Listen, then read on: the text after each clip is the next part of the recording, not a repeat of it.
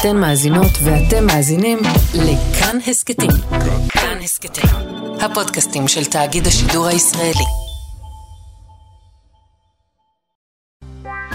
מנדי ביטן. פותחים את הבוקר עם מנדי גרוזמן ואלי ביטן.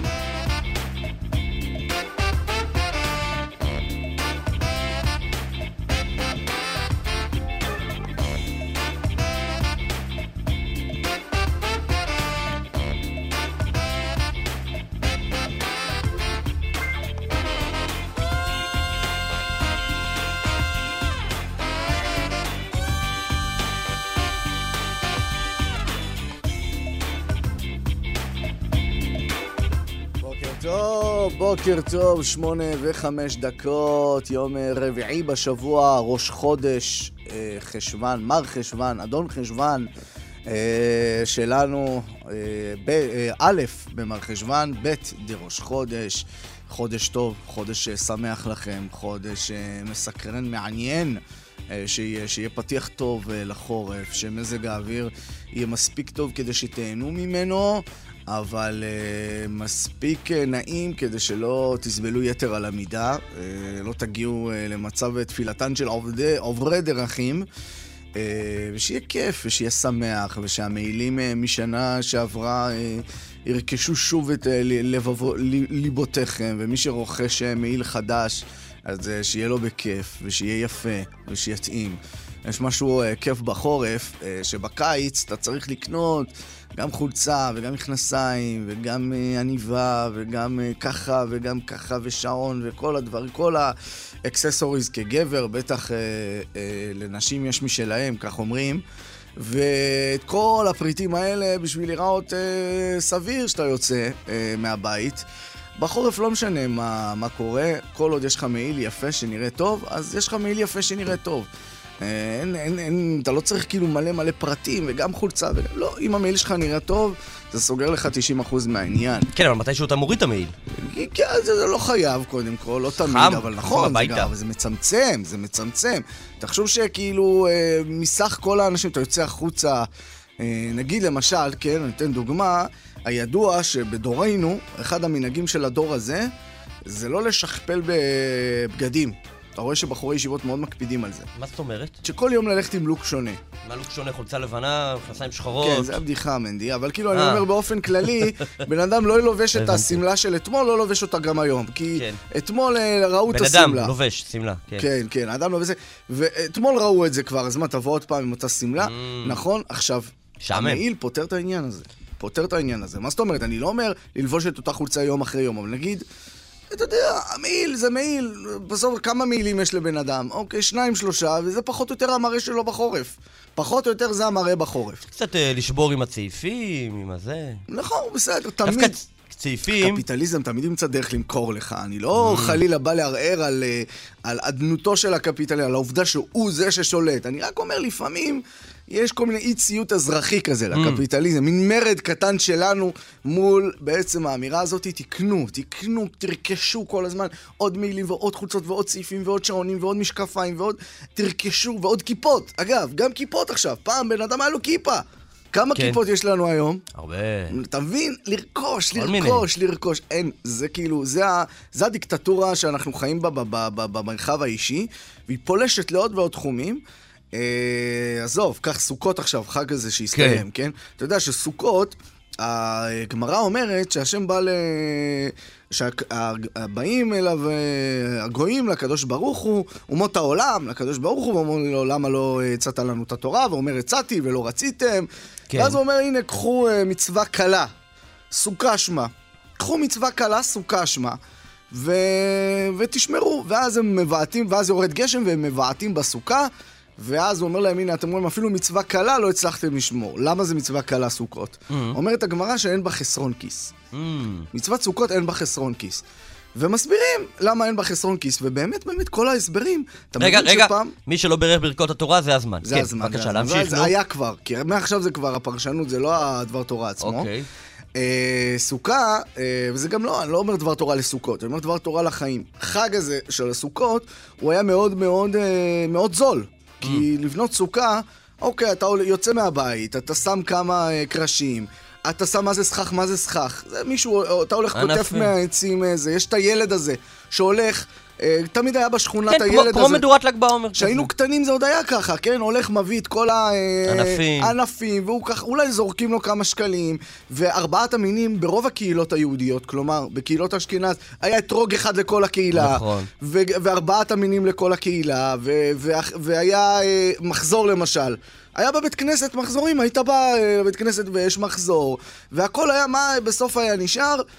אוכל של החג, זה היה הוצאה, זה, זה הוצאה כן, אבל זה גדולה. לא המצוות סוכה עצמה. מצוות סוכה עצמה היא זולה. היום הכל הפך להיות מוצרים.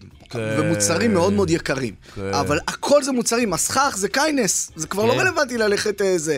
והסוכה והדפנות של הסוכה, והכל כבר נמכר. היום. גם האיגוד של הלולב מוכרים לך את זה כבר בטבעות. נכון. והמחזור, כל אחד צריך מחזור פרטי, לבוא מהבית, את המחזור שהוא אוהב. עם, ה- עם כן, הפירוש מה אתה שהוא מדבר, אוהב. על מחזור לסוכות? כן, לא אין יודע, מחזור אצלנו סוכות. אין מחזור לסוכות. לא, זה הושענה, הושענות. מפורשים. אתה... זה חכה, כי עוד לא מכרו לך את זה. מה? אבל היום מוכרים לגברים ונשים הושענות מבואר, מה, אתה תלך להושענות בלי פירוש בתוך ההושענות? Mm. אז שיהיה לך אחד פרטים שלך עם אה, שם שלך על המחזור של הסוכות, גם אצל אשכנזים, חד משמעית. תלך לחנויות, זה אשכנז, עדות המזרח וספר. אה, אחרי זה אתה, כל, כל הדבר הזה של ארבעת המינים זה מלא מלא רכישות, וואו. והכל פרטי. עכשיו, אין אפילו אחד למשפחה. כל ילד צריך, ילד. וילדות צריכות כל- בובות של, כן. של, של ארבעת המינים, עוד מוצרים ועוד מוצרים, עומד הבן אדם, ומבחינתו חג סוכות עכשיו, זה עשר אלף שקל הוצאה, התחלה של חג סוכות, וזה רק ימשיך, מנדי. עוד הרבה דברים היום שאנחנו לא משלמים עליהם בחג סוכות, הם יהיו בעתיד. אה, דברים, עכשיו, זה אגב, יש אה, רצועות לובוד. קישוטי סוכה, רצועות... קישוטי סוכה. כן, אבל רצועות לובוד יש. רצועות לובוד, כל הדברים האלה.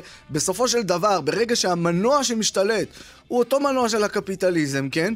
מה שהגמרא אומרת, חג שאין בו חסרון כיס, כל אחד קורא את הגמרא הזאת ואומר, תגידו, אתם אמיתיים? חוץ אה, מפסח. אתה יכול לקרוא לזה, לקרוא לזה קפיטליזם, ואני יכול לקרוא לזה צאו והתפרנסו זה מזה. אבל זה כבר לא זה מזה, נשמה, זה כבר לא זה מזה. בשלב הראשון... אתה יודע כמה יהודים אני מכיר שפרנסתם תלויה במכירת אתרוגים שהם עושים פעם בשנה? אז זה היה בדיוק העניין. זה לא איזה תאגידי שזה ענק כולם. מתחיל, זה מתחיל ככה, אני מכיר, אני את אה, הלכות אתרוג, למדתי ממוכר אתרוגים במושב ליד בית כן. שמש, אני לא אגיד את השם שלו, שהיה לו את השדות אתרוגים וכולם היו באים אליו, אתה יודע מה? נכון שבסופו של דבר זה גם היה אה, מערך של קנייה ומכר.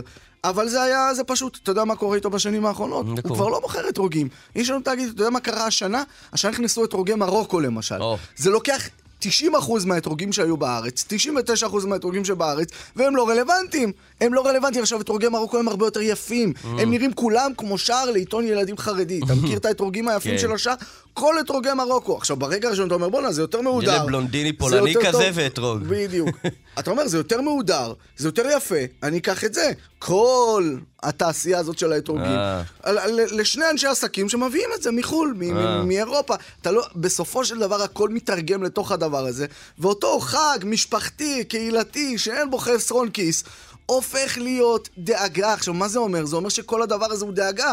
כי אם בסופו של דבר בן אדם חי על השקל, הוא פתאום שואל את עצמו, רגע, מאיפה אני מביא את הכסף? וגם הילדים שלי רוצים שאני אביא להם. כי מאיפה הם יביאו את הכסף? וזה נהיה הוצאה של עשרות אלפי שקלים, דבר שהוא שמחה משפחתית וקהילתית. ככה המתורגם, מערכת היחסים, אף אחד לא עשה את זה במזיד, כן? אבל ככה מתורגמת מערכת יחסים קהילתית רוחנית. איך הגענו פה. לכתב אה, אישום נגד הקפיטליזם לא, זה לא בעקבות כתב אישום. שיחה רנדומלית על מעיל? זה ממש לא כתב אישום נגד מעיל. קפיטליזם. זה לא כתב אישום, מה זה כת- נגד קפיטליזם? זה לא...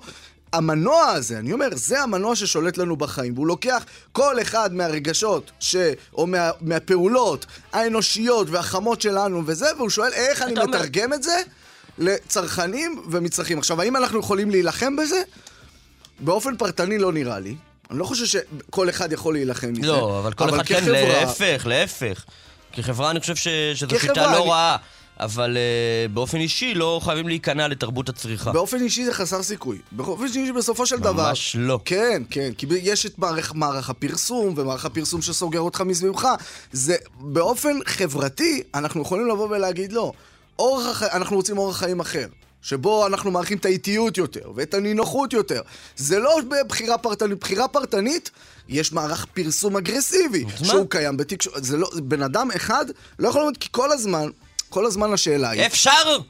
זה לא עם זה. המטרה, זה, זה סבל אינסופי וזה מאמץ לא, אינסופי כאדם. לא. כן, כאדם בודד, אם אני אסביר לך משהו. אם יש בגן, כל הילדים בגן, כן, צריכים ארבעת המינים. והגננת אומרת, את כולם צריכים ארבעת המינים, כל הילדים בגן צריכים... כאדם בודד, לבוא ולהגיד, אתה לא רוצה להיות הבן אדם המעצבן, אתה לא רוצה להיות הדבר הזה, אתה לא רוצה להיות זה, אבל כגן, ילדים, שהגן אומר, רבותיי, אנחנו הבאנו ארבעת המינים לכל ילדי הגן, אתה נותן נינוחות ל-40 הורים. לכן אני אומר, אני לא דורש מבן אדם כל הזמן להימצא בקונפליקט מול החיים, זה לא טוב, זה לא בריא, זה לא נעים. אבל אני כן אומר שכחברה אנחנו יכולים לפתח, הגננת יכולה להגיד, רבותיי, אצלנו לא צריך להביא, אי אפשר להביא אה, ארבעת המינים לא, הגננת. בעיניי זה זה פרטני. אבל הגננת, בתוך אוקיי. המסגרת של הגן, הגננת אומרת, אצלנו בגן אין דבר כזה להביא ארבעת המינים מהבית. אין דבר כזה יום הולדת בגן, כל הורה עושה בבית שלו יום הולדת. אין דבר כזה. את היום הולדת עושים בגן. ואז זה קבוצתי עכשיו, כמו שיש גננת בגן, וזו הכרעה חברתית. ככה יש הכרעות חברתיות אחרות. בוקר טוב. בוקר טוב, אה, מה, איפה אנחנו, מי אנחנו, איך קוראים לי? אה, מנדי שלום. ביטן, כאן מורשת. שלום. בוקר טוב מנחם מנדל. בוקר אור אה, גם אה, לך ביטן, אה, תודה רבה לנתנאל ינובר שעורך אותנו, שיר אבל כיכר סייע בעריכה, על ההפקה, אבי שמאי שהגיע אלינו מן השפלה בתל אביב, משה מושקוביץ הוא אה, על הביצוע אה, הטכנית, אנחנו אה, נשוחח אה, בשעה הקרובה אה, גם עם חבר הכנסת אוריאל בוסו מש"ס, גם עם אה, יוסי ברודני, ראש עיריית אה, גבעת שמואל, מספר 2 בבית היהודי, הוא עדיין ראש עירייה אגב, למקרה שהם לא יעברו את החסימה, יקרה... אם... אפשר להגיד משהו שדוב אייכלר היה אומר? נו. אל תבטיח.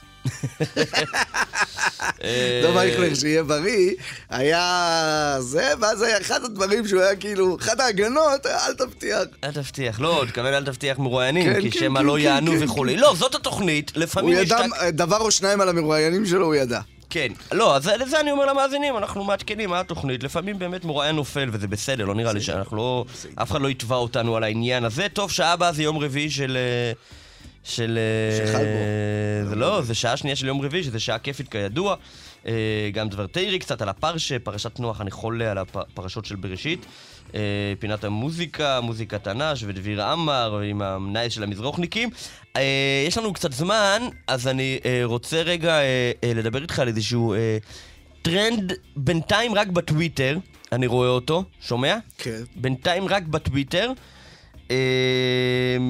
איזושהי סחף כלכלון צ'יק. זה מצחיק להגיד סחף קל, כי סחף זה לא קל. כן. אבל התעוררות קלה למה? לסביב אביר קארה. אתה לא מזהה את זה בטוויטר?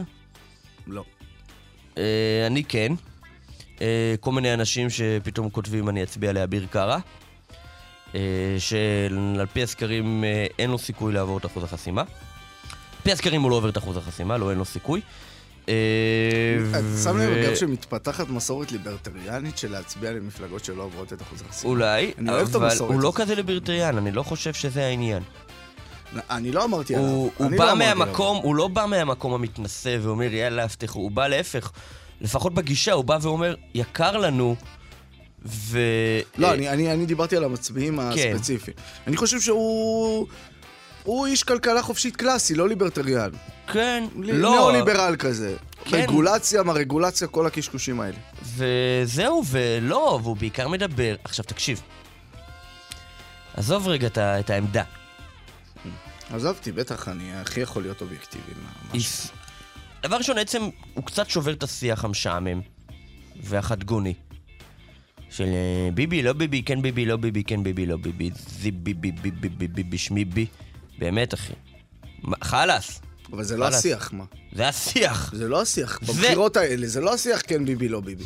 כל המפלגות מדברות על נושאים אחרים. בחירות קודמות זה היה השיח. די נו, עזוב, בסוף. שיח בן גביר, לא בן גביר, הוא הרבה יותר עכשיו. בסדר, ביבי בן גביר. בסדר. יוקר המחיה. יוקר המחיה לא באמת נמצא בשיח. זה בדיחה, נו, שטויות, גם הקמפיין. לא, זה סתם, זה סתם. שמע, זה אני. אומר לך מה הקמפיין של נתניהו. לא, לא, לא. אני לא שומע שום אה, משהו מרענן מצד אביר קארה. זה אותו אני- הבטחות לא, אה, לא, א', רגילות. הוא יורד לפרטים.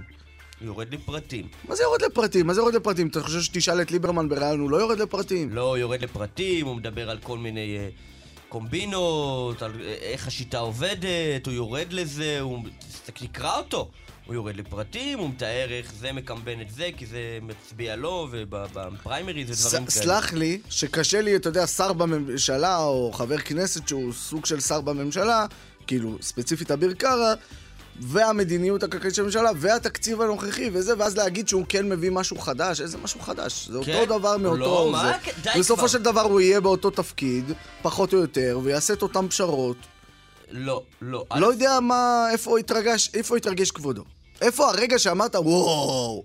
ואגב, אביר קארה, אנחנו ראיינו אותו בלי עובר אחוזי חסימה ובלי כלום, היה אצלנו פעמיים פה, לא מדבר איתך על הממשלה, בזמן הבחירות, ולא שאלנו אותו, אחי, אתה לא עובר בסקרים, לא שאלנו אותו. דיברנו על המצע, ושאלנו אותו על המצע, והיה שאלות מעניינות, אבל... זה חרוזים שאנחנו, אתה יודע, יש לנו את לא. ירון זליכה, מפלגה הכלכלית של ירון זליכה. מה, הוא לא מפורט, אחי? מה, הוא לא בא ומפרט? הם גם רצים. כן, לא, נכון. אבל אביר קארה כאילו, משהו שם בעיניי יותר אמס. כאילו, הוא באמת כאילו מדבר באיזשהו כאב שיקר, והוא לא בא מהמקום, אני נאלה, אני יודע טוב בכלכלה, אני תוך כמה ימים... את-" לא. הוא גם לא אומר, אגב, שהוא יעשה זה ברגע. כל הזמן הוא אומר, זה ייקח זמן, וזה שיטה, ולא אם אני אבחר לחבר כנסת, אז זהו, זה ייגמר. אבל בסוף, תקשיב, השטות הזאת של חוק כנסת שהיה בקואליציה, אחראי על כל מה שהקואליציה עושה, אני לא אמרתי את זה. היא אני לא- אמרתי לא את קורה. זה. אני לא אמרתי לא את זה, אני רלוונטי. אמרתי, זה יהיה, ייראה בדיוק אותו דבר. מה זה ייראה? אותו דבר, הוא בסופו של דבר יהיה שר באיזה נכון, ממשלה. אבל- זה, זה עדיין יהיה הכרעה כן ביבי, לא ביבי, והוא עדיין לא ישבור את הדבר למה? הזה. הוא, הוא, הוא לא אמר, לא אכפת לו. עכשיו לא, אבל בת... אם הוא ייכנס לקואליציית רק ביבי, אז הוא יהיה בזה. אם הוא ייכנס לקואליציית רק לא ביבי, הוא יהיה לא, בזה. לא. לא. אז הוא יגיד, לא, תביאו לי עוד 300 אה, אה, מיליון שקל, אה, זה. להפך, הוא לא. יגיד. יגידו לו רק, תסיר מועצות ותסיר אה, דברים, מה זה לא, הדבר לא הזה? עושים, מה, ליברמן לא עושה את זה? מה, רפורמת החקלאות זה אביר קארה? מה? איש יותר אה, הסרת אה, רגולציות, זה אביר. קארה עשה את זה? זה גם חשוב. זה, לא, טוב. זה לא חשוב, זה אותו מדיניות של הממשלת ישראל כל הזמן, כל לא- השנים. לא נכון, לא נכון, כן. פשוט לא נכון. אתה לא יודע. אין לך מושג. טוב, חזרנו לאידיאולוגי, אין לי בעיה. אין לך מושג. מה זה אין לי מושג? מה זה אין לי מושג? עזוב. לא... לא, כי יש, תקשיב, יש להאמין ב- בצורה אה, אידיאולוגית בסוציאליזם ובתכנון... עזוב מילים רגע, גדולות. רגע, רגע, בתכנון כלכלי. כן. ויש להאמין בצורה אה, אה, אידיאולוגית בשוק חופשי ובצמצום התערבות המדינה, כן? זה לא מעניין אותי. רגע, אבל כל מיני קומבינות שמישהו אה, לא מעביר איזה חוק שיפתח את השוק ליבוא, ליבוא? לעיבור. אה, אם, אה, אתה יודע, המורה שלי לעברית. אה, או, על העברית שלך, אם זה המורה. אז... אה, ו- ו- ומפילים את החוק. כי אחד מהיושב ראש האיגוד הוא מקומבן דרך הפריימריז וזה, זה לא סוציאליזם. מנדי, וגם זה- כ- זה לא גם, כ- רגע, עזוב, אל תדבר איתי במילים גדולות. רגע, רגע, וגם סוציאליסט צריך להתנגד מנדי, לזה. אתה אל תדבר איתי כי במילים זה גדולות. סתם כשאני דיברתי קומבינות. איתך על קפיטליזם, לא דיברתי איתך על קפיטליזם, דיברתי איתך על איך- החג נראה, נכון? אני אומר לך, אוקיי, אני גם בן של חקלאי, אוקיי? אני מכיר את כן. הנושא הזה.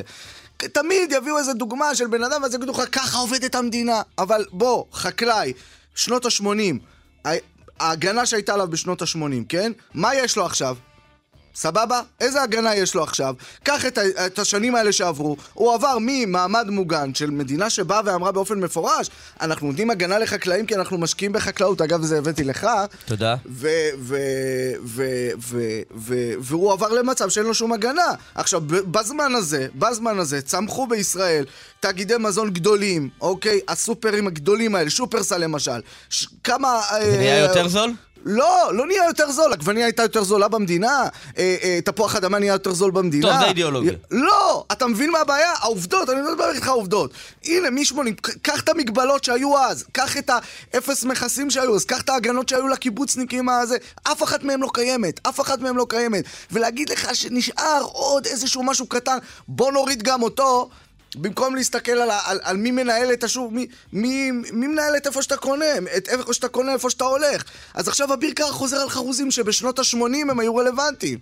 זהו, זה לא מעניין, זה ליברמן, זה נתניהו, זה אביר קארה, זה איילת שקד, זה אותם חרוזים כל הזמן, והם שולטים בממשלות. טוב, הבנתי, טוב. אה, יאללה, טוב, אנחנו צריכים קצת... הרצון. אה, להתחיל, להתחיל, אה, ברלכיס, להתחיל! יופי, 055-966-3991, 055-966-3991, כוח הרצון של רולי דיקמן. אני חושב שרבו ישי, כל צד, אני פונה לימנים ולשמאלנים, לביביסטים וללא ביביסטים. חברים, אתם חושבים שאין לכם סיכוי להכריע את הפלונטר הפוליטי שגם אתם כבר פסימיים, שני הצדדים, עוד פעם נגיע לתיקו... לא רבותיי! מנדי ביתאן. בוקר טוב אה, לחבר הכנסת אוריאל בוסו מש"ס. שלום, בוקר טוב לכם ולמאזינים. שבוע פחות יום. נכון, שישה ימים, באמת, לבחירות, אה, שאנחנו כמו תמיד אומרים, יום אה, גורלי, אחרי, אתה יודע שאני רואה סקרים כאלה ואחרים, שגוש הימין פחות באחוזי הצבעה מגוש השינוי, הקואליציה הנוכחית, פשוט מדהים, מדהים, השנה, שנה וחצי. אה, שלפחות על פי, אתה יודע, כל אחד בתחומו הוא, אה, שנה שהכבידה על הציבור, אני לא, לא, לא מכיר כזה ייאוש, אבל אנחנו חורשים, עובדים ומאמינים בעזרת השם בשינוי אמיתי. רגע, אתה יודע, אם אה, אתה רואה שגוש, מצביעי גוש הימין פחות הולכים להצביע, יכול להיות שהם, או שהם לא נורא נורא נורא מודאגים ממה שעשתה הממשלה הזאת, או שהם לא חושבים שאתם תביאו את השינוי. בסוף לא ללכת לקלפי זאת בחירה מסוג אחר. אה, אני לא, לא מכיר את ה... אתה יודע, לא יודע לרדת לפרטים מה הסיבה. אה, ישנה שאננות מסוימת, ללא ספק, בקרב ציבורים מסוימים. אבל אה, אוקיי, אנחנו מביאים את דברנו, את דבר העם, וחורשים את הארץ, ומאמינים שבסופו של דבר הציבור כן יתעשת. ישמע, מה זה לא מאמינים, או שלא היה להם קשה? לפחות ציבור שלם ממעמד הבינוני ומטה, שנפגע השנה כלכלית לפי כל אה, הנתונים, שאף אחד לא מייצג אותם בממשלה, המפלגה החברתית היחידה זה תנועת ש"ס, שהם נמצאת על המפה. אז אה, אי אפשר לומר שלא. תמיד, אתה יודע, הציבור החלש יותר, בפריפריה, לפי כל הסקרים מאז ומתמיד, פחות מצביעים או לא מצביעים. אבל היום אנחנו מסבירים להם שיש צ'אנס אמיתי אה, באמת לשינוי. מלבד הפגיעות אה, בדרכי ישראל, מדברים על גוש עמוני, אה, גוש הימין, שברובו שומר מסורת וחרדים, שהשנה ראה דריסה מהותית בכל נושא היהדות.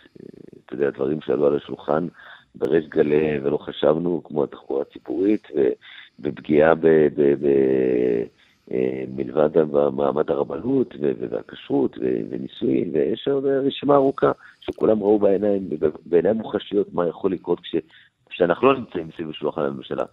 אתה יודע, ההסברה תמיד אה, חיובית, חיונית. כן. אמ, בגוש השמאל בינתיים, אה, גוש המרכז-שמאל, ישנה איזושהי התקוטטות בין לפיד לגנץ, כשלפיד טוען, כמובן שאני, כן, כך הוא אומר, אני מנהיג, מנהיג הגוש, ואילו גנץ אומר, אה, ייתכן ואתה המפלגה הגדולה יותר, אבל לי, אם ישנו איזשהו סיכוי למי מאיתנו, אה, גנץ או לפיד, רגע, להרכיב ממשלה זה רק אה, לגנץ, כי הוא אומר, יש סיכוי יותר שאני אביא את החרדים.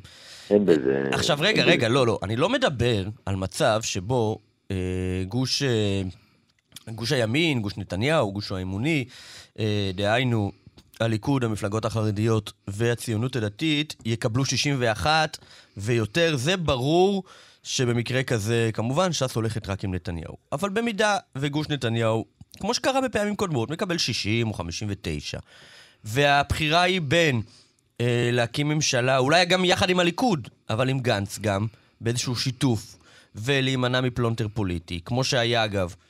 אה, כמו שהיה, כמו שדרעי גם מהוביל אז בזמנו את ממשלת נתניהו-גנץ, או ללכת לבחירות נוספות. אז זהו, כבר עשיתם אה, את זה. ממשלה, זאת אומרת, אבל בממשלה, כל ממשלה שתקום בקונסטלציה כזאת או אחרת, צריכה, אה, שמי שיעמוד בראש זה יהיה בנימין נתניהו כראש המפלגה הגדולה. לא יכול לבוא הסיפור הנוסף הזה של נפתלי בנט 2 עם מפלגה קטנה, ללא משילות. אבל אתם כבר נתתם לו ראשות ממשלה ברוטציה. קודם כל, המספרים היו אחרים מבחינת המנדטים שלו, ואדרבה, אני חושב שאז הבינו שאולי זה לא הולך. אני לא, תשמע, אה, מה, מה שהיה אז ומה שיכול להיות נכון להיום, ההחרמות היום של, של, אבל גנץ בעצמו אומר, אני בכל מקרה עם נתניהו, בין ברוטציה, בין בפוזיציה, בין בשבולות תחתיי, לא יושב איתו. אז איך אתם חושבים שאנחנו יכולים להיות בצד של גנץ? זה אמירות חלולות. עכשיו רגע, אם אם, אם אנחנו תקועים לא בפלונט, אם, אם אנחנו תקועים יהיה- בפלונטר פוליטי, אה, אם ו... לא יהיה 61 לגוש הימין, התשובה היא פשוטה. או שיאיר לפיד, שזו הסבירות הגבוהה ביותר, יאיר לפיד יקים ממשלה עם, עם, מפלגות הערביות, לא משנה כן. מי, כולם, כולל גנץ, עזוב את הסיפורים האלה, כולם ביחד יקימו ממשלה, יהיה להם מספיק סיבות לחסום את בן אוקיי, גביר או ולעלות ש- או ש- או ש- בחירות אישיות, אין משהו אחר. וואלה, אוקיי. טוב, תגיד, אה, אתה שמעת מן הסתם את הדברים אה, שסמוטריץ' אמר בשיחה סגורה לכאורה שהודלפה על אה, נתניהו? אה, זה נכון דבר ראשון? באמת אה, נתניהו אה, באמת חשב ללכת עם רע"מ? יש הכחשות מצד אנשי הליכוד פעם אחר פעם, שהדבר היחיד שביקשו ממנסור עבאס זה לא להקים איתו ממשלה, אלא אה, להגיע איתו להסכמה על חוק אחד שנקרא בחירה ישירה. אה, שמענו את זה פעם אחר פעם, זה לא רלוונטי, ההתפתחויות האלה, אבל אתה יודע, זה באמת לא נעים, בבחירות מוצאים כל מיני הקלטות, שאני לא יודע מתי נאמרו ובאיזה סיטואציה נאמרו, אבל דבר אחד ברור אה, לכולם, פעם אחר פעם, המפלגה שנאמנה לבנימין נתניהו, בשותפות אמיתית, בלי אה, הדלפות או בלי אה, דיבורים, והוכיחה את זה פעם אחר פעם, וגם בלי פזילות לשום כיוון אחר, זה תנועת ש"ס. זה אריה דרעי, נאמן אמיתי, מי שהקים את הגוש הימין ומתחזק אותו כל הזמן, הוא לפחות כשאתה שם פתק ש"ס, אתה בטוח מקבל גם כן את הימין, גם כן את בנימין נתניהו, לצד הדברים החברתיים והערכיים שתנועת ש"ס מציגה. כן, אבל גם אתה. מצביע סמוטריץ', אתה מקבל את בנימין נתניהו באותה מידה. למרות הקלטות כאלה ואחרות. אני, אה, אתה יודע, לא, לא אומר שלא, אבל אה, לפחות, אה, אתה יודע, הוכחנו את זה פעם אחר פעם, אנחנו, אני, אני, אני, אני ודאי מעדיף לדבר על מה שבטוח התנועה כן, שלי יודעת כן. להציג. טוב, תגיד, אה, אתם מזהים אה, באמת אה, איזושהי מגמה של צעירים חרדים שמצביעים לבן גביר? זו שאלה שנשאלת מצד מערכת הבחירות. תמיד יש תנודות לכאן ולכאן, אגב, גם כן, זה אה, מיהדות התורה או שמצביעים ש"ס, אבל זה תנודות, זה תנודות בתוך הגוש. אנחנו, דווקא אני חושב שבימים האחרונים אנחנו מרגישים יותר ויותר שגם כמי שחשב ללכת לכיוונים אחרים, מבינים שצריך ללכת עם הדברים המקוריים, ואתה יודע, היינו אתמול בכנסים אה, ענקיים, בימים הללו אתמול היה... אה, בנהריה היית אתמול. אני הייתי בנהריה. איך היה?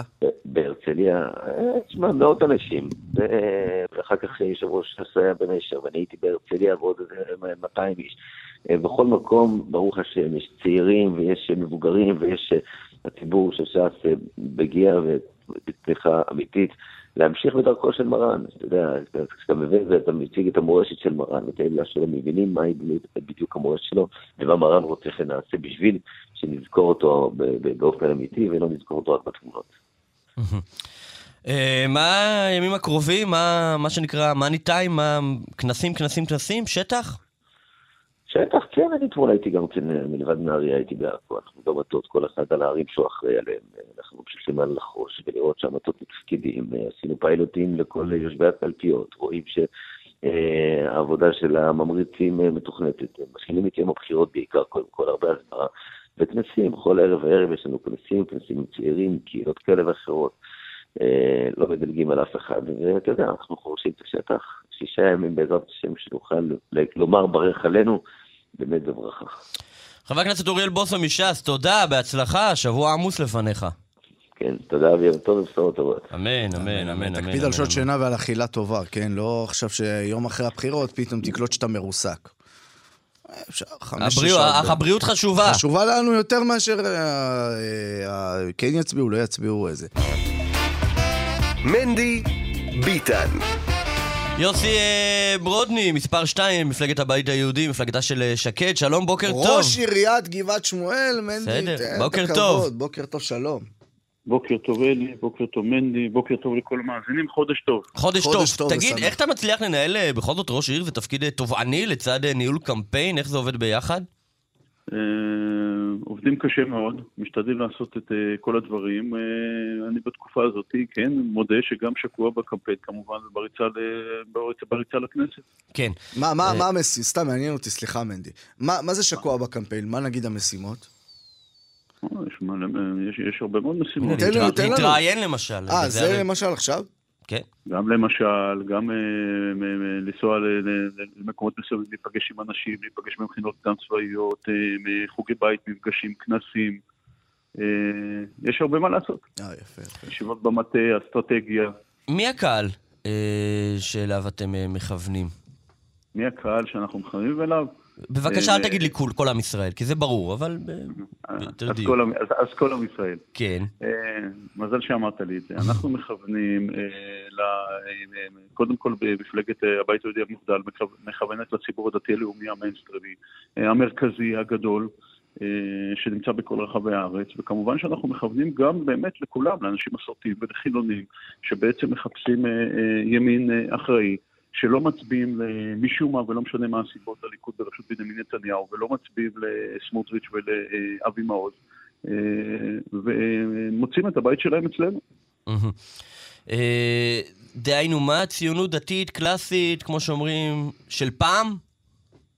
ציונות דתית קלאסית ש- ש- של היום, כן. כמו ש- של מה שגדלו על אותם ערכים שמתחנכים בישיבות התיכוניות, באולפנות, אה, בחינוך הממלכתי-דתי, אה, במכינות הקדם-צבאיות, אה, אנשים שנמצאים בכל רחבי הארץ, בדיוק כמו בבית שאני גדלתי, בבית, אה, מה שנקרא בית של המפד"ל. ההורים שלי שיהיו בריאים עד 120, והסבים והסבתות שלי. ובדיוק לאותה, לאותו המקף המחבר, אלה שבאים לחיות ביחד, לעשות דברים ביחד, לבנות את המדינה ביחד, ולהיות חלק מהחברה הישראלית ללא יוצא מן הכלל. אבל בכל זאת אתם אה, משייכים את עצמכם באופן מאוד מאוד מובהק אה, לגוש נתניהו, בעצם אומרים, אנחנו הולכים רק איתו, זה גם הקמפיין, בלי בית אין ביבי. דהיינו, עם כל הכבוד למקף המחבר, אתם אומרים או ביבי או בחירות שישיות. אנחנו אומרים שאנחנו בגוש הימין, נקודה. אני אומר שוב פעם, אנחנו באנו אה, רק עם מסר, מה שנקרא, עם מסר אחד או הבטחה אחת, שאנחנו מחלק מגוש הימין, נקודה. ואנחנו אומרים את זה בצורה מאוד ברורה. אנחנו מאוד נשמח שאנשים לא יעשו חרמות על, אה, על, על אה, בנימין נתניהו שעומד בראשות המפלגה הכי גדולה בגוש הימין, ויסכימו גם כן להצטרף, ואז הממשלה תוכל להיות רחבה יותר.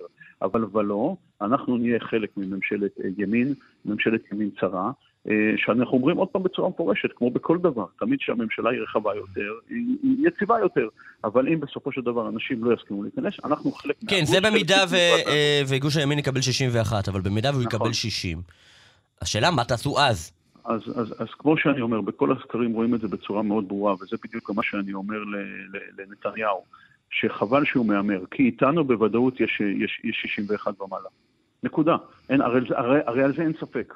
לא, לא בוודאות, לא, סליחה שאני אומר, כן. לא בוודאות שתעברו. לא, זה, עוד פעם, סליחה שאני אומר לך, אנחנו לא בוודאות עוברים, כי חלק מהאנשים בגוש הימין נלחמים בנו ועושים את הכל כדי לא, שלא... זו לא הסיבה היחידה, אבל זו לא הסיבה שאני- היחידה. רגע, נכון, אתה צודק, אבל זו גם אחת הסיבות. אתה מסכים ש, שזה היה עוזר אם לא היו נלחמים? כן, בסדר, "אל אבל, אל אבל תצביעו, כן, אתה תצביעו". אומר, רגע, אתה אומר לנו, אומר, כל הכל שאלה זה ואני של אומר. ניהול סיכונים של אבל- גוש הימין. אבל מנדי... רגע, אבל יוסי זה- זאלי, כן. אני רק אומר, הכל אתה אומר ששאלת גוש, ה- שאלת הסיכונים של גוש הימין. אתה אומר, בלעדינו אין 61, ורוב הסקרים תומכים במה שאתה אומר, אבל- ואז אתה אומר, אוקיי, לכן הגוש הימין צריך להשקיע בכך שתעברו את אחוז החסימה, זה משהו אחד. מצד שני, אחרים בגוש הימין יגידו, גם בלי השנאה האישית לאיילת שקד, שלא ברור אם, אה, אם השותפות איתה מוסיפה לכם או לא מוסיפה לכם, אה, יש, יש, אה, יש, יש, יש סיכון אחר, אנחנו נפנה קולות אליכם, ובסופו של דבר הקולות האלה לא יעברו. מי אמר ש, שצריך לעשות כך, לנהל את הסיכונים כך ולא אחרת? אלי, זה באופן עקבי, אנחנו נמצאים, לא משנה, 1, 8, 2, 2, 2, 5 אחוז. 2.2 זה שקיבלנו בסקר אתמול אצל קמית פוקס, זה שלושה מנדטים. זה שלושה מנדטים שהולכים איתנו באופן קבוע, שהוכח בכל הסקרים שבמידה ואנחנו יורדים, פורשים, לא עוברים, הקולות האלה לא עוברים לגוש הימין. Mm, נקודה. זה הוכח, לא אני אומר את זה, הסוקרים אומרים את זה. ולכן הציבור שנמצא אצלנו, ואני אומר עוד פעם, לא משנה עכשיו מה הסיבות, לא רוצים להצביע לליכוד באופן ישיר, לא רוצים להצביע, לא מוצאים את הבית שלהם אצל סמוטריץ' ואצל אבי מעוז, ולכן אנחנו בכל מקרה מוסיפים לגוש הזה שלושה מנדטים שלא קיימים אצלו. אז גם אם הם יתרמו, אני אומר עוד פעם, הוא אומר בעצם, גם אם נזרוק קולות לפח, זה לא קולות של גוש הימין, אין מה לכעוס עלינו. אז אני אומר שוב כן? פעם, עובדה, כן. אז זה, זה בוודאות, אני אומר כן, אז, הקולות אז אני רוצה לשאול על זה, אפשר לשאול על הקולות זה. שלנו כן. בסופו של דבר לא יגיעו. עכשיו, מה שקורה זה, שעכשיו בונים על זה שהמפלגות הלא ציוניות הערבים יגיעו, לא יצביעו באחוזים גבוהים, שרע"מ והמשותפת יהיו רק ארבע וארבע. תארו לכם ספקולציה שאחת מהמפלגות האלה מקבלת עוד מנדט אחד. כן. או ששתי המפלגות ביחד מקבלות עשרה מנדטים. כן? כן? מה קורה במצב הזה? בוודאות אין לגוש הימין... אה, אה, כן, אה, גם איתכם אגב. אני, ולכן, אני רוצה לשאול, לא, אז לא גם איתכם נכון, אין, זה כמו לא, שהיה לא, עם ימינה בבחירות לא, האחרונות, לא, זה מה שהיה. לא, לא נכון, לא נכון. בדיוק איתנו, זה בדיוק הסיכוי. שאנחנו עוברים את אחוז החסימה, יש לגוש הימין בוודאות 61 ומעלה. אני אומר שאפילו זה יותר מ-61. לא, אבל זה, זה עדיין לא כיף. 63. אני רק ולכן... רוצה לשאול שאלה אחת. אני רוצה לשאול שאלה אחת, אני עזוב, אני... הנושא של עוברים לא עוברים, הסברת. הסברת, בעיניי אני קיבלתי את ההסבר, ואגב, אני גם תומך בו אם אפשר. כן, קבל אוקיי. את, את הגרסה. אוקיי. עכשיו, אני רוצה לשאול על מה שאתה אומר. אתה אומר, בואו תצביעו לנו אנשים שהם לא בעמדות אידיאולוגיות של בן גביר או של אבי מעוז. בואו, אז, כן. אז הם לא יכולים, דתיים לאומיים או אנשים שהם ימנים מאוד, ולא, והם לא בעמדות האלה, והם לא רוצים להצביע ליכוד, הם גם לא אנשי ליכוד, בואו תצביעו לנו. ואני אומר, נכון. אם אנחנו מדברים על ממשלת, אה, ממשלה צרה של 61, כן? כן, כן. מה זה משנה לאיזה אחד מהגורמים שלה הצבעתי? אם בסופו של דבר אבי מעוז ואיתמר בן גביר יהיו אה, אלמנטים אה, מרכזיים בממשלה הזאת. להפך, אתה אומר, תצביעו לי, כי זה הסיכוי היחיד של בן גביר ואבי מעוז. זאת אומרת, יותר מזה, אתה אומר, אתה אומר לאנשים, אתם לא אוהבים את אבי מעוז ובן גביר, הסיכוי היחיד של אבי מעוז ובן גביר זה אם תצביעו לי. איזה היגיון יש במשפט הזה? אתה יודע, זה יפה איך כל אחד מסובב את זה כאילו לכיוון, לזווית וכולי וכל הדברים האלה. אני אומר לך בצורה מאוד מאוד ברורה. הציבור שלנו הוא ציבור של ימין. הוא לא מצביע למפלגות השמאל. הוא עדיין רוצה, אני אומר לך עוד פעם, אתה יודע מה, בסקר שהצגתי אתמול, שעשינו אצל מנו גבע, ששאלנו את השאלה, איזה ממשלה אתם מעדיפים? ממשלת ימין עם הבית היהודי בפנים, או ממשלת ימין בלי הבית היהודי בפנים? זה סקר שעשינו אותו בקרב הציבור הדתי הלאומי. הרוב מכריע בא ואמר, מעדיפים ממשלה שהבית היהודי בפנים. רק כדרך אגב, בגלל זה בנימין נתניהו לא מצליח לשבור את התיקו 60-60, כי עדיין יש ציבור ימני מתון שמחפש מפלגה מתונה, ערכית, עם שורשים, שתהיה שמה. עכשיו, אתה יכול לשאול את זה לגבי כל שאלה, אז למה להצביע לש"ס? אז למה להצביע לא, לא, אבל ש"ס לא אומרים, ש"ס לא באים ואומרים, אם אתם לא רוצים את בן גביר, בואו תצביעו לנו. לא. ש"ס אומרים, אם אתם רוצים את כל אלה... אל, ת, אל תשים לי מילים בפה, אני לא אמרתי אם אתם לא רוצים את בן גביר. בוא, אתה יודע... אתה אומר, מי, ש... מי שאבי מעוז ובן גביר לא מתאים לו. אתה אומר, קודם כל אני אמרתי סמוטריץ' ואבי מעוז, אתה הכנסת אה, סליחה, סליחה, סליחה, טעות שלי. אבל הכל בסדר. אני אומר עוד פעם, תראה, בצורה מאוד פשוטה, אנחנו לא באים ומדברים ואומרים לאנשים נגד זה או נגד זה או נגד זה. הממשלה של גוש הימין היא ממשלה ברורה. מי השחקנים שמשחקים שם? הם שחקנים ברורים. אנחנו מדברים לאנשי הימין, שבאים ואומרים, אנחנו לא יוצאים מהבית להצביע, אנחנו לא נצביע לגוש הימין, וזו הוכחה, הראו את זה אתמול בסקרים, שאם אנחנו יורדים או פורשים, אז יש מפלגות אחרות בגוש המרכז שמאל שגדלות. עכשיו תגיד לי, הרב ברודני... ולכן אני בא ואני אומר דבר פשוט. פה לא עלית לי על העניין הזה, אבל אני רוצה לא, להתקדם. הרב ברודני... למה לא עניתי לך? לא, כי עדיין כן. לא... יש לי לא, כאן עדיין איזה שאלה. תסביר לו שוב, אז תסביר לו שוב, יוסי. לא, לא, ככה זה אצלנו. לא, אני חושב שהוא כבר מסביר נושאים שלא קשורים לשאלה. לא, אז אני אסביר. לא, למה? רבי יוסי, אתה מסכים לי? אה, בבקשה. הוא אומר, מה זאת אומרת? יש את המטרות הכלליות, שזה גוש הימין. ואנשים רוצים שתהיה פה ממשלת ימין, כולל אבי מעוז, אין ברירה, הם אומרים זה השחקן. רגע, אבל הם כן רוצים שבתוך הגוש הימין הזה יהיה גם גורם שלפחות יקדם יותר במדויק את המטרות שלהם, שזה הבית היהודי. הוא לא אמר את זה. הוא לא אמר את זה. בסדר, אני אומר את זה. זה הסבר אחר לא שברודני לא אמר. אתה לא חותם על מה שאמרתי? אבל זה בדיוק, אבל זה בדיוק מה שאני אומר. אנחנו כן. רוצים לבוא ולדאוג לחינוך במדינת ישראל. אנחנו רוצים לבוא ולדאוג לרבנות, לרבנות ראשית מחבקת, שיש שם רב ראשי של הציבור בסדר, זה לא משנה, אבל אם הם לא רוצים, אז זה לא יהיה אפשרי. בכל אופן, אני רוצה לשאול לא שאלה אחרת. אם סמוטריץ' לא יוצא, לא, אז יש פה איזון. מה זאת אומרת? אה, רגע, רגע, רגע. רגע, יכול להיות שהוא אמר משהו חדש. הוא אומר, אנחנו רוצים 61 לימין, אבל אם לא ייתנו לנו רבנות ראשית מחבקת, אז תפרקו את הממשלה של הימין? לא, נו עכשיו. לא אמרתי כזה טוב, בסדר. נו, אתה, אתה, איך, איך שמעת אותי? איך? ת, ת, תחזור על השידור, תקליט את ההקלטה שאני אמרתי את זה. לא, כי אתה אומר, יש דבר, קואליציה. אומר, זאת אומרת, מה, תן לנו למשל דבר, דוגמה לדרישה אומר, שלך מהקואליציה, שאם היא לא תקוים, תפרק את הקואליציה. אני אומר, אני אומר בסופו של דבר, כשאיילת שקד ישבה במשרד המשפטים ומינו דיינים, הרבניים לבתי הדין הרבניים, אז גם כשש"ס היו ואגודה היו בתוך הממשלה, עדיין הצלחנו למנות רבנים מהציבור אבל- הדתי הלאומי. אבל ולכן אז- בסופו של דבר... אז אבל אז זה לא היה ממשלת ימין צרה, זה לא הייתה ממשלת ימין צרה, זה שהיא בנויה במודל הזה. זה הייתה ממשלת ימין צרה, ומה שאני בא ואני אומר, שבסופו של דבר, מגיעים, ברגע שיושבים בקואליציה... רגע, יש סוגיה, יש סוגיה, בוא. נשאל שאלה, שאלה. יש סוגיה כלשהי, שאתה תבוא ותציב בפני הקואליציית הימין הצרה, ותגיד, אם אני לא אקבל אותה, אני מפרק את ה- את אנחנו- הברית עם הימין? יש אנחנו- סוגיה כזאת? תקשיב, כן בוא, או לא? יש אלף ואחת סוגיות. שאתה תגיד, אני אפרק. את הקואליציה אם לא. תן לנו לדוגמה כמה. אם יחליטו לבוא ולהחזיר חלקים מארץ ישראל, אז אנחנו לא נשב שם. אוקיי, למשל בסדר. דוגמה, יש הרבה מאוד לא. תן סוגיות שהם יעמדו בניגוד לעמדת כל שאר המפלגות. אז אני- אז אני אומר, לא יודע, אני אומר שוב, שוב, אנחנו באים עם הערכים שלנו, האידיאולוגיה שלנו, וכמובן שלכל דבר יש קווים אדומים, אבל אנחנו עדיין מבינים שיושבים בקואליציה וצריכים לעבוד ביחד ובשיתוף פעולה ולקדם דברים. אני יכול להגיד לך שאנחנו נקדם את מעמד האישה, שהוא מאוד חשוב לנו. אה, אה, דברים מאוד חשובים, מאוד חשובים, שאני חושב שיש מפלגות אחרות שכרגע זה טוב. פחות נמצא אפשר לשאול, בזה. אני רוצה לשאול שאלה, אבל תגיד לי, אני רוצה- אני לא, רוצה לשאול שאלה, אנחנו לי אם אתה לא רוצה. אנחנו נרצה שהמשרד לביטחון פנים יקבל תקציבים גדולים כדי להחזיר את המשילות במדינה. בנגב, בצפון וכולי וכל הדברים האלה, אבל אני אגיד לך עכשיו... ברודני, ברודני, אה, כן. יוסי ברודני עדיין לא חבר כן. כנסת, ראש עיריית הזה. לא, לא, אני רוצה לשאול אותך שאלה, אבל כן. תרגיש בנוח להגיד, אני לא מעוניין לענות על השאלה הזאת, כי היא שאלה אישית מדי, בעיניי. כן. אם אה, הבית היהודי בראשות איילת שקד לא הייתה רצה אה, לבחירות האלה, באיזה כן. מפלגה היית חושב להצביע?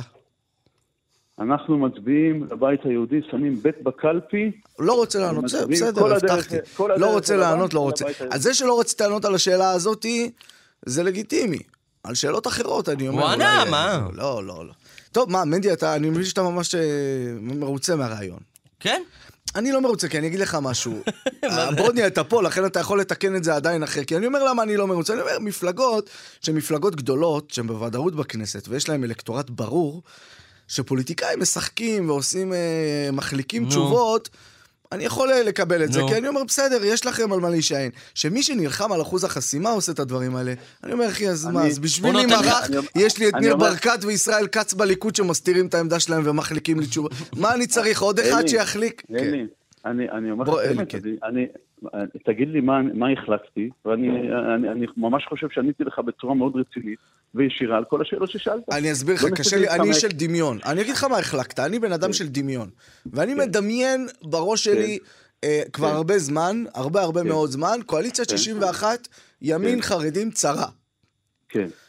וכשאני מדמיין את, ה, את, ה, את איילת שקד ויוסי ואני ברודני ואני בתוך שואל- הקואליציה הזאת, כן. אני שואל מה? הם עושים את המוות לנתניהו, הם עושים את המוות לחרדים, למה- הם נעלמים למה- לגמרי למה- בתוך הדבר הזה, למה ואני לעשות- מבקש למה- ממך שתעזור לי לדמיין. למה, למה, לעשות, למה לעשות את המוות? למה תמיד כי הם יגידו, נגיד בחוק הגיוס, איילת? שקד, נגיד חוק הגיוס, איילת. שקד בעבר עשתה את כן. המוות לחרדים. נגיד אה, שופטים, היא לא, עשתה אף פעם אה, איילת ככה. שקד, אף פעם, מה? שהיא מינתה שופטים ש, שבדיוק... יש אחרים שלא של אוהבים את זה. ולכן, ולכן אני אומר לך... אז אני- לא, אז אני מנסה לדמיין, תגיד לי איך זה נראה, תעזור לי בדמיון אנחנו פוליטי. לא רוצים לתקן את, פסק, את, פסק, את, את פסקת ההתגברות, אנחנו לא רוצים לעשות דברים בתיקון במערכת המשפט וכו' וכל הדברים האלה, ולכן... בסדר, מה- אתה מסכים אני יודע, אבל מה אתה לא מסכים? אני מנסה לראות איך זה יהיה לא מסכים. הוציאו אותנו, הוציאו... תקשיב. אתה לא אתה לא עוזר לי לדמיין, לך- אתה לא עוזר לי לדמיין. הסברתי לך ואני נותן לך לדמיין. אוקיי. הבית היהודי היא מפלגה שקיימת המון שנים, ותמיד הייתה המקף המחבר בין כל חלקי. אני אומר לך עוד פעם, טוב, אני בתור... יוסי ברודני, אנחנו פשוט על החדשות, יוסי ברודני, ראש עיריית גבעת שמואל, מספר תודה 2 רבה, בבת יהודי, ששבוע. מוצלח. שיהיה שיהיה שבוע. טוב, שתנוח ותאכל שבוע טוב. שיהיה ו- חודש טוב. אמן. חודש טוב. חודש אני לא יכול להבטיח את כולו. תודה רבה, אה, ברודני. תודה, תודה, תודה. מנדי ביטן.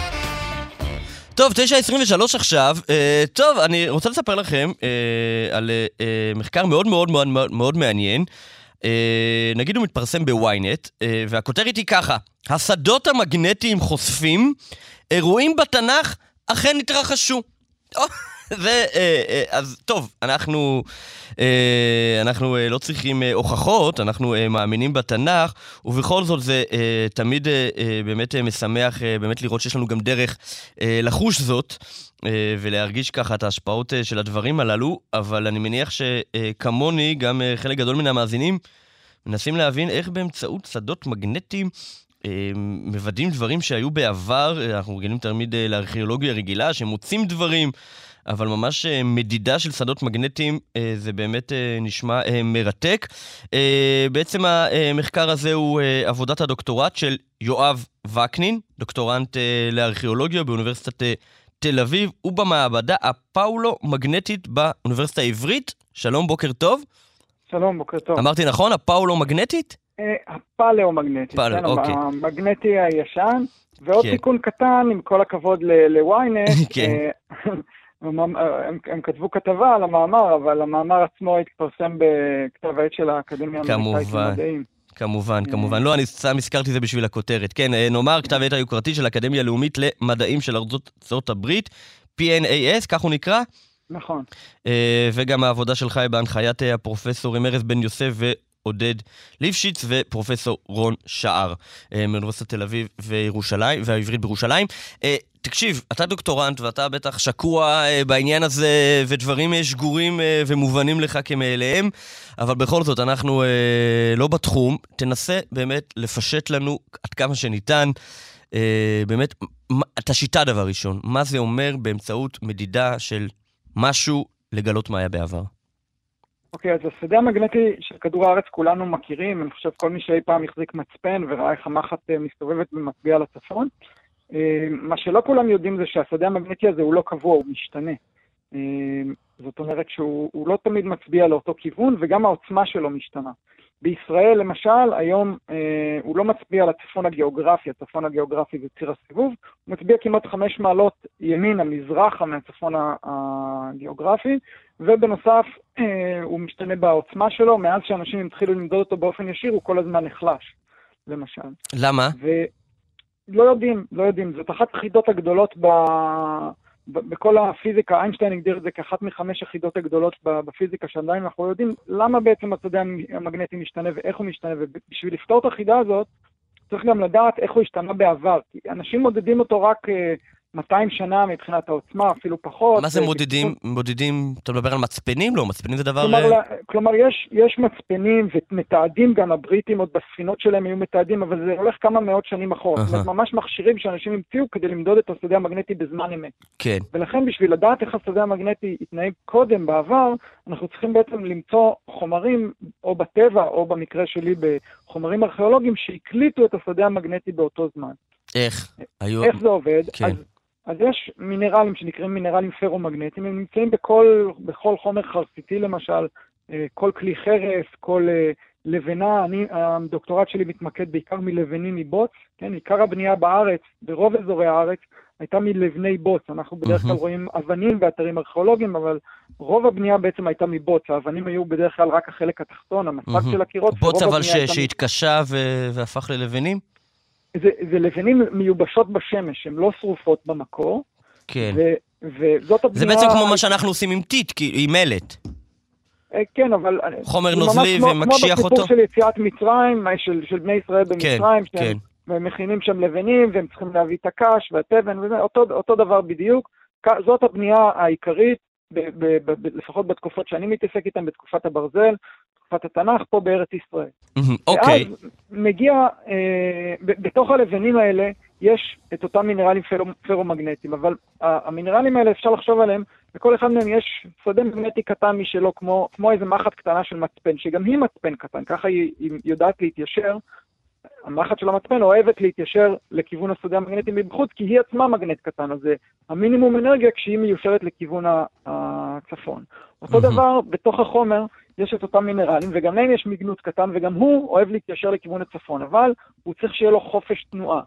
החופש תנועה, מה שבמצפן זה מכני, פשוט כן. מה, מהמבנה של המצפן, המינרלים האלה צריכים חימום בשביל שזה Mm. יקרה, ואז כשהמינרלים האלה מתחממים, הם, אם זה מעל טמפרטורה מסוימת, הם מאבדים את המגנות שלהם, אבל אז כשהם מתקררים, הם שוב נהיים מגנטיים והם מתיישרים לפי השדה המגנטי של אותו זמן.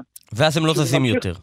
בדיוק, כשזה ממשיך להתקרר, הם, הם לא יכולים לזוז יותר, ואז אנחנו יכולים לבוא אלפי שנים אחר כך ולמדוד לאיזה כיוון הם מצביעים, לדעת מה היה הכיוון של השדה המגנטי, וגם יש שיטה לשחזר מה הייתה... אבל אנחנו צריכים לדעת שהם חוממו, חוממו יפה, לפני, ואולי גם מישהו הזיז אותם.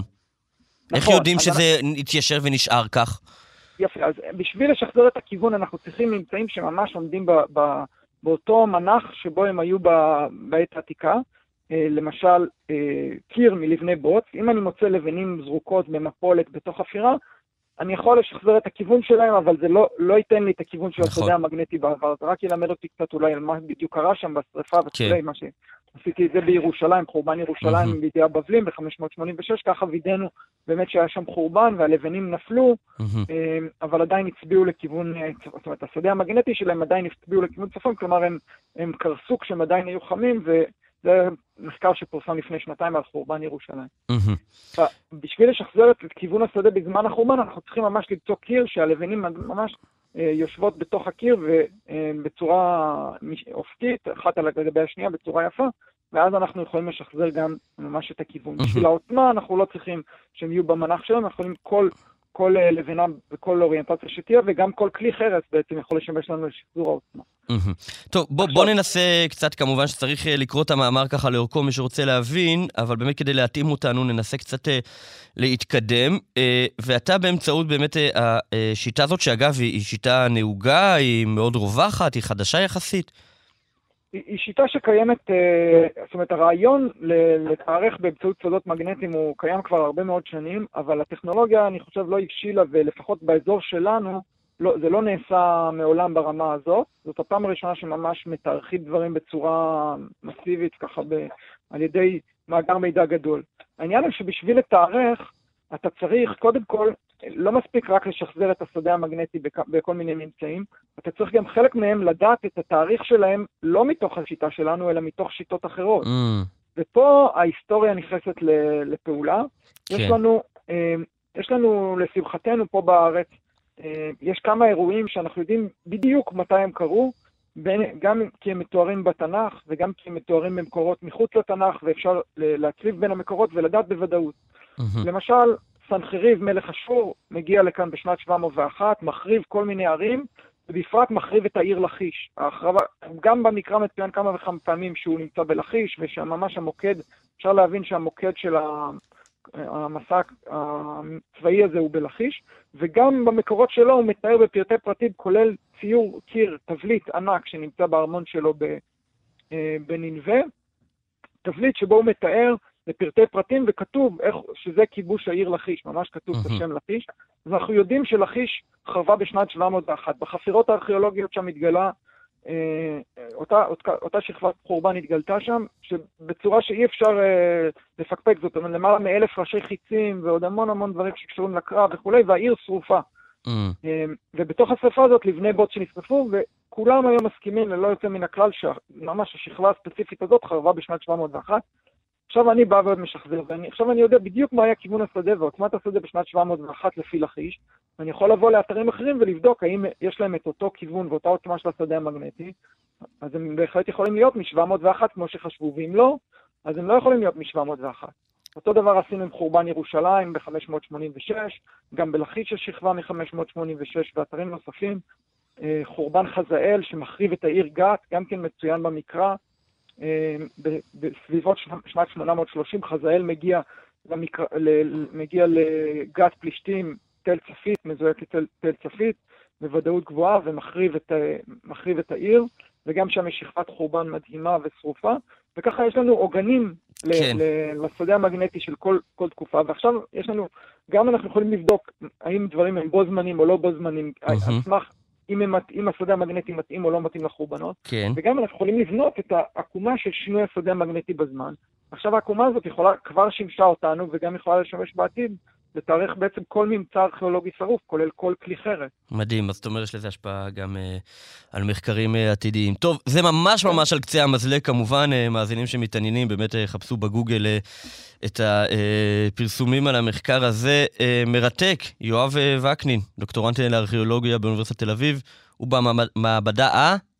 פלאומגנטית. באוניברסיטה העברית. תודה רבה רבה רבה רבה ששוחחת איתנו, תודה. תודה לכם, ובוקר תודה. ששוחחת עם מנדי. כן. אה, מנדי ביטן. ביטן, יש לו קטע בסוף החלק להכניס כל מיני אה, יציאות. כן, הנה, מאזין, נגיד, שתי סטלבטנים. מה? אפילו לא שני אבל סטלבטנים. זה לא זה לא נכון! אחרי ברודני הוא הגיב את זה. אבל זה- עדיין זה אתה! אה, טוב. מאשימים אותי בגללך, אני איש ענייני כאילו- כאילו רציני. ממי למדתי, בוא בוא נהיה כנים. לא יודע, הכרת מנדי עוד לימד אנשים. אותי להיות אה, זה, ואז הוא פתאום נהיה בן אדם עכשיו רציני. הם שניהם מסתכלים עליי שאני אהיה הבוררת. תשפוט, ברור, כן, ברור, כן. ככה זה. כן. שלום לדבורה אה, קיציס גוטמן, אה, שלום. חדשות אה, מוזיקת תנ"ש. בוקר טוב. בוקר. בוקר טוב, טוב, אנחנו זהו, אנחנו. כבר לא אחרי החגים, אנחנו כבר בשגרה. בחורף, בחורף. חודש טוב. חודש מבורך, וואו, כן. כן, חשוון. חודש טוב גם לך. אה, תודה. זה- זה חודש אה, אה, שקשור גם למוזיקה אה, היהודית-חסידית, אה, קרליבך, קרליבך. כן, מתי זה?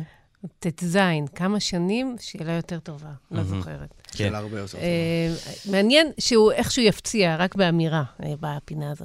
אז הפעם, אה, אני חושבת שנרגע קצת השצף. של... אה, השציפה. של אה, אחרי שלושת השבועות, של אה, הימים הנוראים, של אה, החגים, סוכות, של כן. סוכות, וככה מי מנוחות יותר.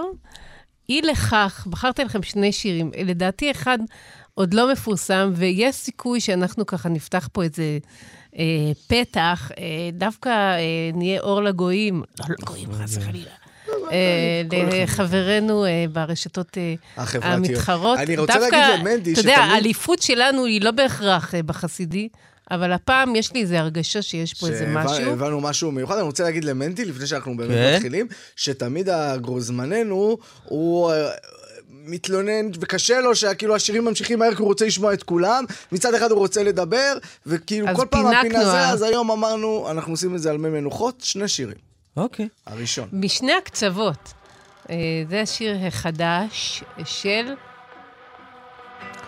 שלושה. לא, השיר הוא ניגון חב"ד. לא, לא, לא, נכון. לא. זה רק אתה יודע. לאן הוא הולך. וואו. מטורף. שלושת הכישרונות הגדולים. במוזיקה הישראלית. שולי בלי רנד, מטרה ברורה, רביד כמעט פלוטקין. פלוטניק, תן לנו את זה רקע ברקע. כן. שלומי שבן. נקרא 12 אה, המרגלים, כנען. אה, שלומי שבן מספר סיפור נורא נחמד, שבימי הסגר. אה, הוא פשוט לילה אחד מתעורר, לוקח דף לבן, כותב בסד. אך, מאיפה זה בא ולא יודעת. אה, מתוך זה נולד אה, שיר שהוא מין מדרש אה, מודרני כזה על סיפור וזה אה, שלושה, שולי המרגלים. רנד, שלומי שבן ו... שלומי שבן. שהוא מ' בסיפור, אה, מצטרפים עוד שניים, כ' אה, זה קצת וי'. תיאטרון כזה, כאילו. נכון. מחזמר. בלי המחזה רק. כן, בוא נשמע. זאת דרך ארוכה לכנען.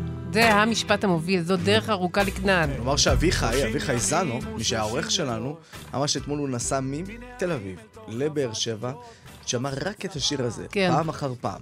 שיר כן, מדהים, מדהים. זה שיר באמת מיוחד. מאיר אריאל, ככה דמותו מרחפת אה, כאן, ובכלל יש געגוע. אני על אני מה הוא רואה את זה מספר? על מה בקרב- הוא מדבר? אז זה, זה סוג של מדרש מודרני שמדבר על אה, שלושת הדמויות אה, המובילות את אה, סיפור אה, המרגלים. ב- ב- אה, מי הם? כוונה לדורנו. יוד? תעשה חשבון, או... לא, יהושע בן נון, ראשי כלב תיבות. בן אז זה לא, יפונה. הם קוראים להם באותיות. אה, ומם. יהושע בן נון. בן זה משה י', כמובן. כן. כ' ומ'. כן, אוקיי. עכשיו, לצד ה... מתי זה יצא? עכשיו? זה יצא לפני ממש. אה, יומיים. אה, זה יושב כמובן על הלחן של... אה, איי, איי, איי, איי, איי. כן, אלי, כן. אתה בודק. אה, ו... אז שוב, התגובות ברשת אה, נעות באופן מפתיע בין התלהבות אה, מדהימה, וגם אני, זה הרגש הראשון שעלה בי, שמה זה הדבר הזה, ואיזה... אלו הדברים שאנחנו חיים עליהם ואוהבים אותם וכמהים להם, שהיצירה תהיה רחבה, תרבותית. לבין כזאת כאלה שלא הבינו את הקטע. בעלת רבדים. לבין אלה שלא הבינו את הקטע. עכשיו, מה, במבט אבל שני... עוד מעט, חבר'ה, זה בסדר לא להאמין ביומיים הראשונים. כן. הכל אתה- טוב. אה, לא, זה לא הולך להיות להיט, אי אפשר לשיר את זה יותר אני אומר מדי. ככה, רבותיי. לא, יש גם- לכם חודש להבין, מי שלא מבין עוד חודש, אנחנו שוחטים אותו. אבל חודש... שלום. כן, קודם תנו לזה להתגלגל על הלשון, להכיר לא, את זה לא המילים. יפו, ו- זה שיר שמקשיבים לו, לא ששרים אותו, נכון? כן, גם, אבל... גם, אה, לא, גם שם. אבל יש, דווקא שירים שיר כאלה, יש להם אה, את. היכולת אה, להיות אה, קאלט. בד- קאלט. בדיעבד, כן? כן. בחלוף הזמן. אפשר לומר מאיר אריאל? כן, בהחלט. הוא ממש מרחף מעל הדבר הזה. עכשיו, אתה יכול להגיד לא שרים מאיר אריאל? שרים. שרים וזה- מילה אגב, במילה. זה שלושה כישרונות שהם מספיק גדולים בשביל להגיד מאיר אריאל. שלושתם. טוב, בוא בוא נשמע קצת עוד טיפה. זאת דרך ארוכה לארץ המובטחת. מובטחת למי? אומר לו יו, הרי כולם יודעים שבפיקוד מחזיקים עליך תיק וזה עניין אבוד. הצמרת לא שוכחת.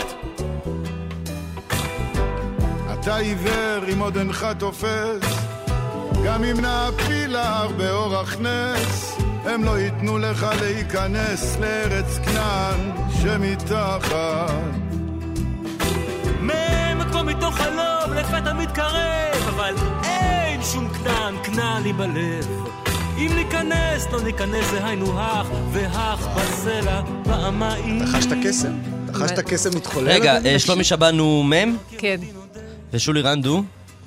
אה, כף, ורביד פלוטניק הוא יוד, זה יפה שלא שמו את אה, שולי רנד על המשה כאילו, שזה כאילו הייתה נכון. הבחירה הטבעית. לכאורה, כן, כן. המתבקשת, אבל לא. לא ככה, דבר הרבה מאוד. כוחות... זה ממש מאיר אריאל. הוא- הם התייחסו לזה? כן. הם אמרו את זה כן, כן, במפורש? כן, זה- אה, בוא נאמר שאי אפשר שלא, זה חייב להיות שם. עכשיו בגדול זה יצירה של שלומי שבן? כן, כן. שהוא לא פלירטט יותר מדי עם אה, מוזיקה יהודית ממש והאזורי. לא. ממש לא. הוא כתב אה, בסד על הדף. כן? בזמן הקורונה, כאילו, הוא ממש רצה להפר את הפתיע הסגר. את אני מבין. עצמו, הוא ממש ומי- רצה להפר את הסגר, יצא לו אבל בסד. כשאתה מקשיב אה, ל... רוצה לחזור בתשובה. כשאתה מקשיב לטקסט, אתה רואה שיש פה איש בעל עניין, ו- וכן תלמיד חוכם של, אה, אתה יודע, כן. תורות... לא, אה, דבר ראשון, תנ"ך זה לא, עם כל הכבוד, זה שייך לכולם, כן. כן, לא- אבל כמה עוסקים בזה? נכון. לא, זה גם, גם מנדי, אתה תשמע את זה בעיניי, סליחה שאני אה, שם את עצמי, בעיניי זה ממש אז אלגורי. רגע, רגע, רגע. אוקיי, עברנו הלאה. זה השמעה ראשונה פה.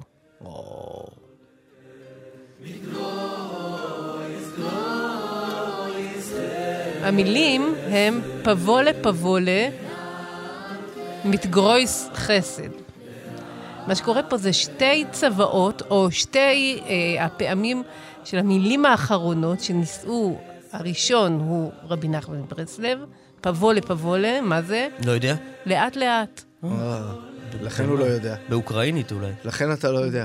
אוקיי. ומתגרויס חסד זה קל יותר אה, כן, להבין, אלו. מילותיו אה, של האחרונות של רבי נתן. וואי, איזה מילים יפות. פבולה, פבולה, מתגרויס חסד. מתגורס עכשיו, חסד. חבר את שתי המילים. הללו, אה, יש פה באמת איזה מסר. האיש שעומד מאחורי הפרויקט הזה, שהוא חצי עלום, כלומר, אני לא שמעתי אותו ברשתות ולא בתחנות אה, הרדיו, הוא הגיע אליי מככה, משפחה. מי- כלומר, אמר, עמד אדם וחילק. הנה, המשפחה מתקשרת. אה, ברודי. אה, אה, הם הם קשורים... קיציס, ברודי, כולכם באותו... אה, רגע, מה- מה- מי מה השם? האיש שעומד מאחורי הפרויקט הזה שמו יצחק ויצהנדלר, אה, דמות מוכרת, אה, בן אנש, אם אנחנו מדברים על אנש, אה, של חסידי אה, ברסלב, ככה הולך אחורה, אחד מן המקימים, יחד עם אחיו, זיכרונו לברכה, הקים את אה, הוצאת הספרים אה, הראשונה שפרסמה ברבים אה, את אה, ספרות אה, מכתבי אה, ברסלב, אה, הוצאה שנקראת אה, משך חוכמה. אה, אה, קשורים כמובן אה, לדמויות אה, אה, חשובות אה, וראשוניות. אה, בחסידות הזאת, אה, ככה, אה, אני לא ראיתי קרדיטים, מי, אה, מי באמת השרים פה, מי הילד הזה ששר, אה, אבל אני חושבת שהשיר הזה הוא ככה יכול להיות אה, מעין להיט, פבולה, פבולה, נשמע. חסד. ממש, מי-. שר אבל? יצחק וייצה הדלר. הוא וייץ המפיק של. הדבר הזה, הוא לא הזמר. אה, הוא לא זמר. בוא נשמע. פבולה. אחי, זה שיר של אצטדיונים! המנגינה פבולה, קיימת, המנגינה פבולה. קיימת, זו מנגינה קיימת. בדיוק, תכף נגיד על זה. מילה. פבולה, יפה, אלי. פבולה, פבולה. וואו! הפכת לנו את הראש! פבולה, פבולה. פבולה, מתגרויס עכשיו קבלו עוד... אה, כן, כן. טוב, אלי כבר באקסטזה. תנמיך אותנו קצת, אה, ברלי חיץ. כן. תשמיעו את זה גם בסוף השעה אם אתם אנחנו יאללה. רוצים, לכם יאללה. ותעשה לנו טובה אה, יפה. תכף נסדר לכם את זה. אה, אה, הלחן מעניין, באמת זה לא לחן חדש, אבל לפחות ההתחלה אה, של הניגון הזה, את ההמשך אני צריכה עוד לברר, עוד לא לגמרי ברור לי, אבל... אה, נו, מה זה? לא, הפתיח של השיר הזה מבוסס על אה, אה, ניגון של אה, רב שלמה קרליבך, שגם, מסתבר, אה, לכבוד שבס קודש, אה, גיצ'אבס גיצ'אבס. אה, שבס, לא, גוד שבס. גיצ'אבס, גיצ'אבס, גיצ'אבס. אה, זה מצלצל. לא, זה באמת לא, זה. לא, זה זה, היא אומרת לך... עכשיו, למה זה זה? בגלל שהסיפור שאותו מספר אה, אה, רב שלמה קרליבך על מוישה לגיצ'אבס, שזו דמות שהוא זוכר כילד, כשאבא שלו היה רב כן. בווינה, אה, זאת הייתה דמות שהסתובבה שם, סיפור ככה חיים אה, של אדם שגיצ'אבס, גיצ'אבס כל הזמן היה אה, על שפתיו, עד שגם נרצח על ידי הנאצים, יימח שמם, אה, אה, בשואה. אה, כששאלו אותו מה מקור הניגון, הוא סיפר שהוא שמע אותו בקיבוץ של חסידי ברסלב בלובלין. והניגוד הזה לכאורה מיוחס לרבי נחמן מברסלב, אני יודעת, אבל בוודאי לראשי, אה, או. לראשוני. רגע, פבולה חסידי פבולה זה. המילים האחרונות של רבי נחמן? כן? של רבי נתן. לא, של רבי אה, נחמן. אמרת רבי נחמן. וגרויס חסד זה של מילים- של המילים האחרונות של רבי יפה, נתן. תלמיד טוב. אז שני... זה חיבור, זה חיבור חיבור. של השניים, אה, פבולה, גם פבולה החיבור פה הוא. חתיכת אני רואה עניין. פה נכון. אה, את המנון אה, תנועת ההאטה הבין- הלאומית. ממש. הבינלאומית. מתגרויס חסד. חסד. וואי, לא, זה ממש. גם כאילו, לכתחילה לקח את הדברים בנחת, בשמחה, אבל בדיעבד, תבין שהכל לטובה.